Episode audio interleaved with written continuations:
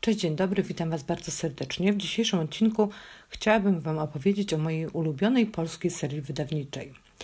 Wydawnictwo od deski do deski, zresztą bardzo fajne wydawnictwo, tworzone przez świetnych ludzi, przez Anię i pana Tomasza Sekielskich, a seria nazywa się Na faktach.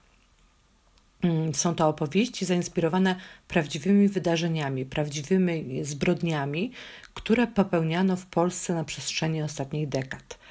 Pierwszą z książek, której ja Wam dzisiaj opowiem, to nie była pierwsza wydana e, w ramach te, tej serii, ale pierwszą, o której ja dzisiaj Wam będę opowiadać, to Inna dusza Łukasza Orbitowskiego. Książka zresztą została doceniona e, i nagrodzona paszportem polityki w 2015 roku. Jest to chyba też zresztą moja ulubiona książka z tej serii. Zarys fabuły oczywiście jest oparty na prawdziwych wydarzeniach. Dotyczy dwóch brutalnych morderstw które miały miejsce w Bydgoszczy w latach 90.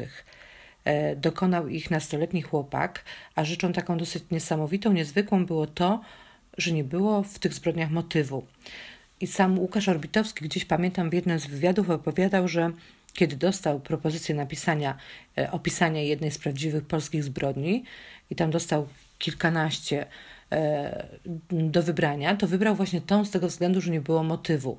I ja myślę, że to jest taki dodatkowa trudność i wyzwanie dla pisarza pisać, e, no, wejść w umysł mordercy, kiedy wiemy, że, że no nie było niby powodu tych zbrodni. Więc to po pierwsze. A jeśli chodzi już o samą inną duszę, to inna dusza jest y, z jednej strony jest oszczędna, zarówno pod względem języka, jak i pod względem emocjonalnym bo dostajemy w niej wszystko tak czarno na białym, bez zbędnych jakichś upiększeń, bez podpowiedzi, bez interpretacji. Jest szaro, brudno, brzydko. Jest dokładnie tak, jak było w Polsce w drugiej połowie lat 90. Pamiętacie pewnie te czasy, więc wiecie, jak było. Z drugiej strony ten świat był pełen uroku i swojskości. I tak też bywa w innej duszy. Znamy ten świat właśnie, jak już wcześniej powiedziałam, i wiemy, że autor nas nie oszukuje, nie czaruje pokazuje nam po prostu prawdę, więc to jest bardzo ważne moim zdaniem w tej książce. E, książka jest pełna detali, mm, ale te detale nas jakoś nie atakują. Pozwalają nam po prostu wejść w konkretną historię, zagłębić się w niej i odnaleźć ten, ten odpowiedni klimat, który tam był i pozostajemy w tym klimacie tak naprawdę aż do ostatniej strony. Ona nie jest taka, że czasami bywają książki niby dobre, kiedy mają dobry, nie wiem, tam początek, potem jest dosyć średnio i dopiero na przykład zakończenie jest fajne albo też nie. Tutaj jest całość bardzo równa, bardzo dobra. Ja naprawdę długo czekałam, już wcześniej czytałam coś Łukasza Orbitowskiego, ale długo czekałam na takiego pisarza, bo ja lubię jego ten taki brud, szarość, ten konkret, tą jego prawdę, takie bez owijania w bawełnę. Ale też przy tym bardzo dobry taki język, bo to by się nie udało, gdyby Łukasz Orbitowski nie miał talentu zwyczajnie. A w tej książce świetne jest też to, że Orbitowski, że dzięki e, niemu przyniosłam się znów do lat 90. E, na przykład gumy turbo, czarne wieże, z których, nie wiem, wybrzmiewały Coco Jumbo czy Po całej noc Pamiętacie, nie? To też był mój świat.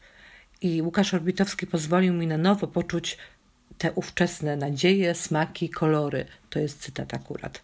Więc wielkie dzięki Ci za to, Łukaszu, bo to była duża przyjemność czytania tej książki. Drugą książkę z serii, której chciałam Wam opowiedzieć, to jest e, Bestia, Studium Zła Magdy Omilianowicz. Opowiada o seryjnym mordercy Leszku Pękarskim. Dla mnie Leszek Pękarski, czyli wampir z Bytowa, to chyba najbardziej przerażająca postać w historii kryminalistyki, i to nie tylko polskiej kryminalistyki. Ja po raz pierwszy zobaczyłam go w programie, e, w takim dokumentalnym programie Cela Numer, w którym Edward Miszczak rozmawiał z mordercami odsiadującymi różne długoletnie wyroki. I ja nigdy nie zapomnę tego takiego martwego, maksymalnie przerażającego spojrzenia pękarskiego. No ciarki po prostu.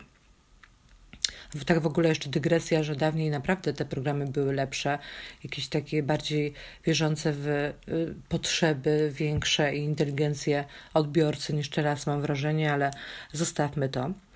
W każdym razie, kiedy dowiedziałam się, że Magda Milianowicz napisała o nim książkę, no wiedziałam, że muszę ją przeczytać. Książka, pamiętam, z tego co pamiętam, co prawda wyczekała się trochę na półce, no ale ją przeczytałam. Przyszła w końcu na nią pora. I cóż wam mogę powiedzieć, że naprawdę nie jest łatwo czytać o człowieku, który przyznał się do 67 morderstw. Kim był Leszek Pękarski, kim jest, bo on wciąż żyje? No nie sposób nie nazwać go po prostu potworem.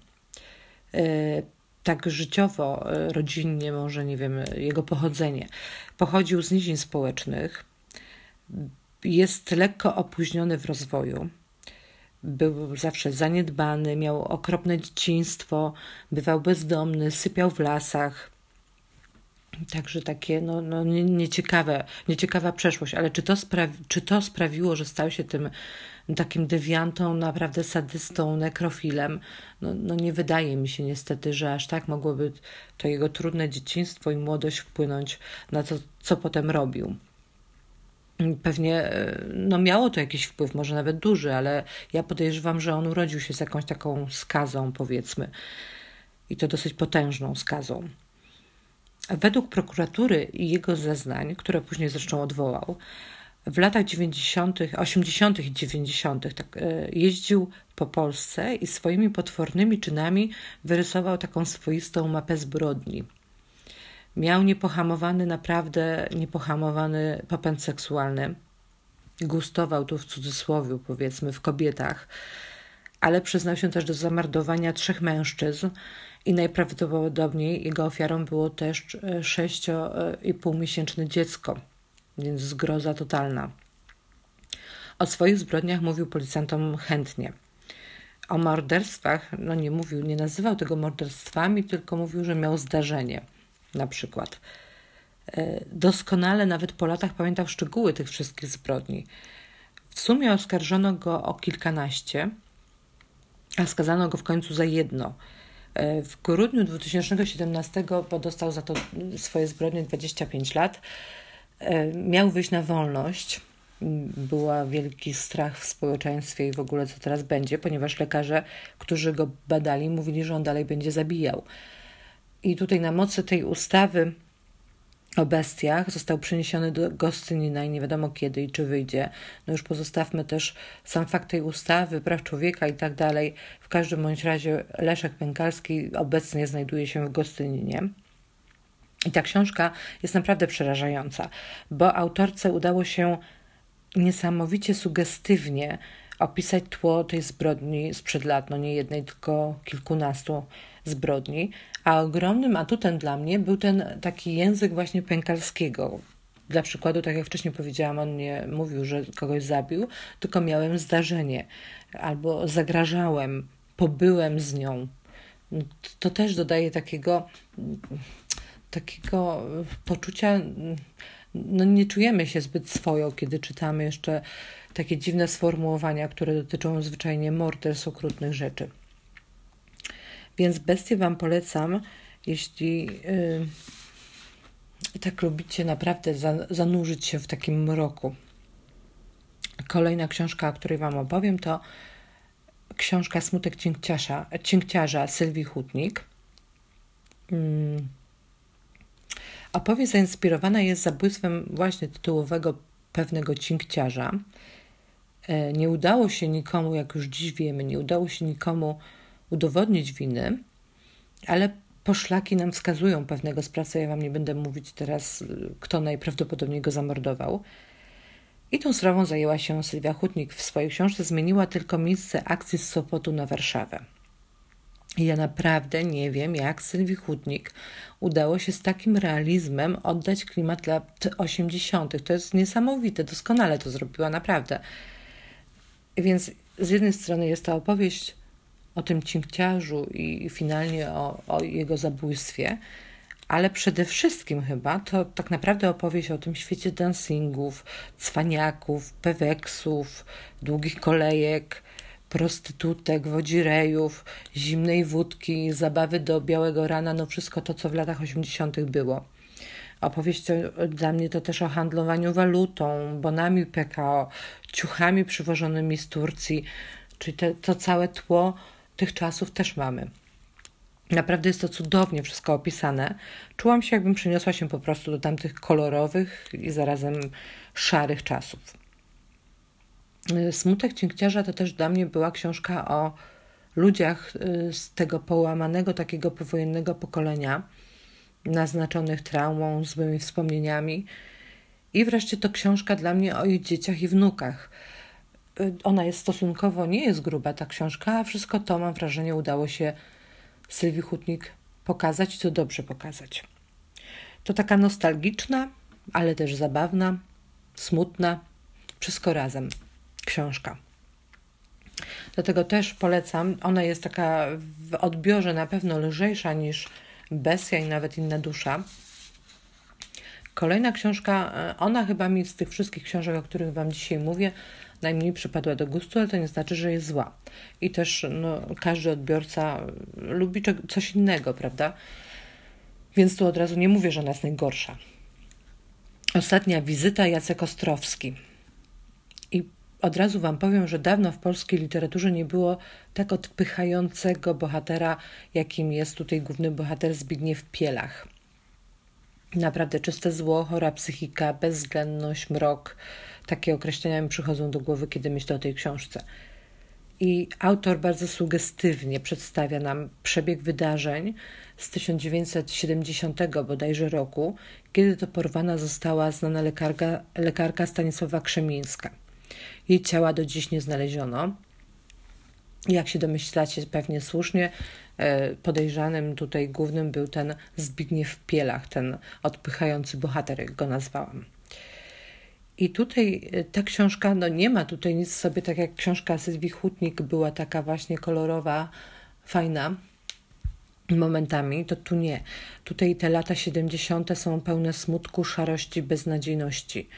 E, to też opowieść o, o, o, czasach, gdy władza ludowa nie była w takim fajnym wspomnieniem podszytym nostalgiem, nostalgią, a surową i twardą rzeczywistością. Tu nie ma nic, nie ma jasnego promyku w tej książce, absolutnie.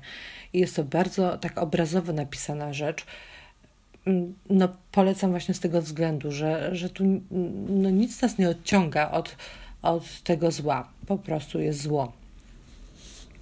I wreszcie ostatnią książką też bardzo dobrą, naprawdę świetną e, z tej serii, to książka pod tytułem Czarna. Autorem jest Wojciech Kuczok. Tym razem za szkielet powieści posłużyła sprawa z 2001 roku, kiedy to w małym miasteczku e, nazwa jej Czarna Białostocka, przepraszam Was najmocniej, doszło do okrutnego morderstwa, morderstwa mm, podyktowanego rządzą i odrzuceniem. Wcześniej była ogromna namiętność, jak to zwykle się zdarza, była zdrada, zazdrość, depresja, w końcu furia i ten brutalny czyn. Ja nie znałam wcześniej tej sprawy i naprawdę muszę przyznać Wam się, że byłam bardzo zaskoczona e, tym zakończeniem. Kto, jak, dlaczego i kto stał się ofiarą w tej książce. E, Wojciech Kuczok napisał książkę, w której to żarliwe uczucie i rozgoryczenie rozlewają się tak stopniowo, ale naprawdę bardzo, bardzo intensywnie. Zrobił to sprawnie, niesamowicie i precyzyjnie. Świetna robota, naprawdę. Dodatkowo to jest też bardzo duży atut, atut tej książki. Prześwietlił dosłownie na wskroś małe polskie miasteczka i mieszkańców tych miasteczek. Jeśli chcecie się dowiedzieć, jak wygląda życie w takich miasteczkach i jacy mieszkają w nich ludziach, to naprawdę według mnie, bo ja też e, jestem z takiego miasteczka, nie musicie sięgać po jakieś socjologiczne opracowania, wystarczy, że weźmiecie się za czarną kuczoka. Naprawdę, zdecydowanie strzał w dziesiątkę. Niesamowicie tak trafnie opisuje te zaściankowe społeczeństwo, takie przesiąknięte zakłamaniem, jakąś taką nieuzasadnioną pewnością siebie, pazernością, prostactwem, no to nie są dobre cechy na pewno mieszkańcy, no nie mówię, że nie, ale też e, fajnie się żyje w takim miasteczku, no ale niestety są też te, te, te złe e, rzeczy, to, że wszyscy o tobie wszystko wiedzą i tak dalej. To wszystko w tej książce znajdziecie niesamowicie trafiony język i myśli tak naprawdę tej polskiej prowincji. Takie, to, to jest takie żywe. I to jest dla mnie chyba najmocniejszy punkt tej książki. Bo to, to ja nie wiem, jak on to zrobił, że on tak trafił w sedno po prostu, opisując e, to społeczeństwo. Mm, ale ta reszta, czyli i ta sprawa kryminalna, i ta namiętność i tak dalej, to nie jest wcale złe. Tutaj wręcz przeciwnie, tutaj y, mamy wszystko na jak najwyższym poziomie. Sposób poprowadzenia akcji, postaci, y, ten oplatający pomału taki duszny klimat, uchwycenie emocji, naprawdę się to udało. Ewolucja bohaterów, bo, bo to jest coś niesamowitego, jak się tutaj ci bohaterowie, a zwłaszcza jeden bohater czy bohaterka, nie powiem Wam teraz, zmieniają. Mm, próba odpowiedzi na pytanie, dlaczego doszło do tej finałowej zbrodni. Wszystko to naprawdę Kuczokowi wyszło wyśmienicie. Jeśli wszystkie współczesne małe polskie miasteczka, nie mówię tu o wsiach czy miastach powiatowych na przykład, tylko takich hybrydach małych, co e, łączą cechy miast i wsi, nie miały do tej pory w polskiej literaturze swojego portretu. Ja jeszcze no, nie, nie udało mi się trafić na taki dobry portret to nareszcie go mają, naprawdę. I to jest czarna kuczoka. Także dzięki Panie Kuczok, świetna robota. A jeszcze tylko zwrócę Wam uwagę na, na pewien szczegół, jak będziecie czytać tą czarną, to zwróćcie uwagę na monolog burmistrza z początku książki i opis nadmorskich polskich kurortów. Dla mnie mistrzostwo świata po prostu. Ale to jeśli będziecie się brali za tą książkę, ale bardzo Wam polecam wszystkie, o których dzisiaj Wam opowiedziałam. Są jeszcze trzy. Ja już zerknę na tytuły tych trzech książek. Yy, pierwsza to była chyba w ogóle, która wyszła, to jest preparator Hubert Klimko-Dobrzaniecki. Jest też i Odpuść nam nasze Janusz Leon Wiśniewski i najnowsza Równonoc Anny Fryczkowskiej. To też jest ta chociażby ta ostatnia podobno jest świetna, ja już mam na swojej półce, muszę się kiedyś za nią zabrać, ale ja na przykład tych książek nie czytam nie z tego powodu, że ja ich nie chcę czytać, tylko ja ich tak chcę czytać, że ich w końcu nie czytam, bo, bo boję się, że jak przeczytam, no to, to nie będę miała już żadnej e, książki z serii na faktach do przeczytania. Także jedną jeszcze muszę sobie dokupić e, e Wiśniewskiego i odpuść nam naszej, będę miała cały komplet naprawdę, jeśli nie mieliście do czynienia wcześniej z tą serią, to koniecznie, koniecznie e, wybierzcie którąś z opisanych przeze mnie, czy, czy z tych trzech, o których nie mówiłam. Ja Wam mniej więcej opowiedziałam, czym one się różnią, które są lżejsze, które są mocniejsze, to też w zależności od Waszych upodobań. E, po prostu sobie pomyślcie, która by była dla Was najodpowiedniejsza. Na dzisiaj chyba tyle. W kolejnym odcinku opowiem Wam o serialach. Jeszcze nie wiem o jakich serialach, ale zrobiłam taką sondę na Instagramie, czy kolejny odcinek powinien być o książkach, czy o serialach. Wybraliście e, w zasadzie było pół na pół i zdecydowałam się Wam dzisiaj opowiedzieć o właśnie o tej serii na faktach. A następny odcinek będzie o serialach. Nie wiem, czy to będą jakieś najlepsze seriale, czy najlepsze z ostatnich czasów, czy, czy w ogóle, nie wiem, na przykład Netflixa, czy z HBO, czy zupełnie inne. Jeszcze nie wiem, ale czekajcie na odcinek serialowy. A tymczasem życzę Wam miłego dnia. Trzymajcie się, pa.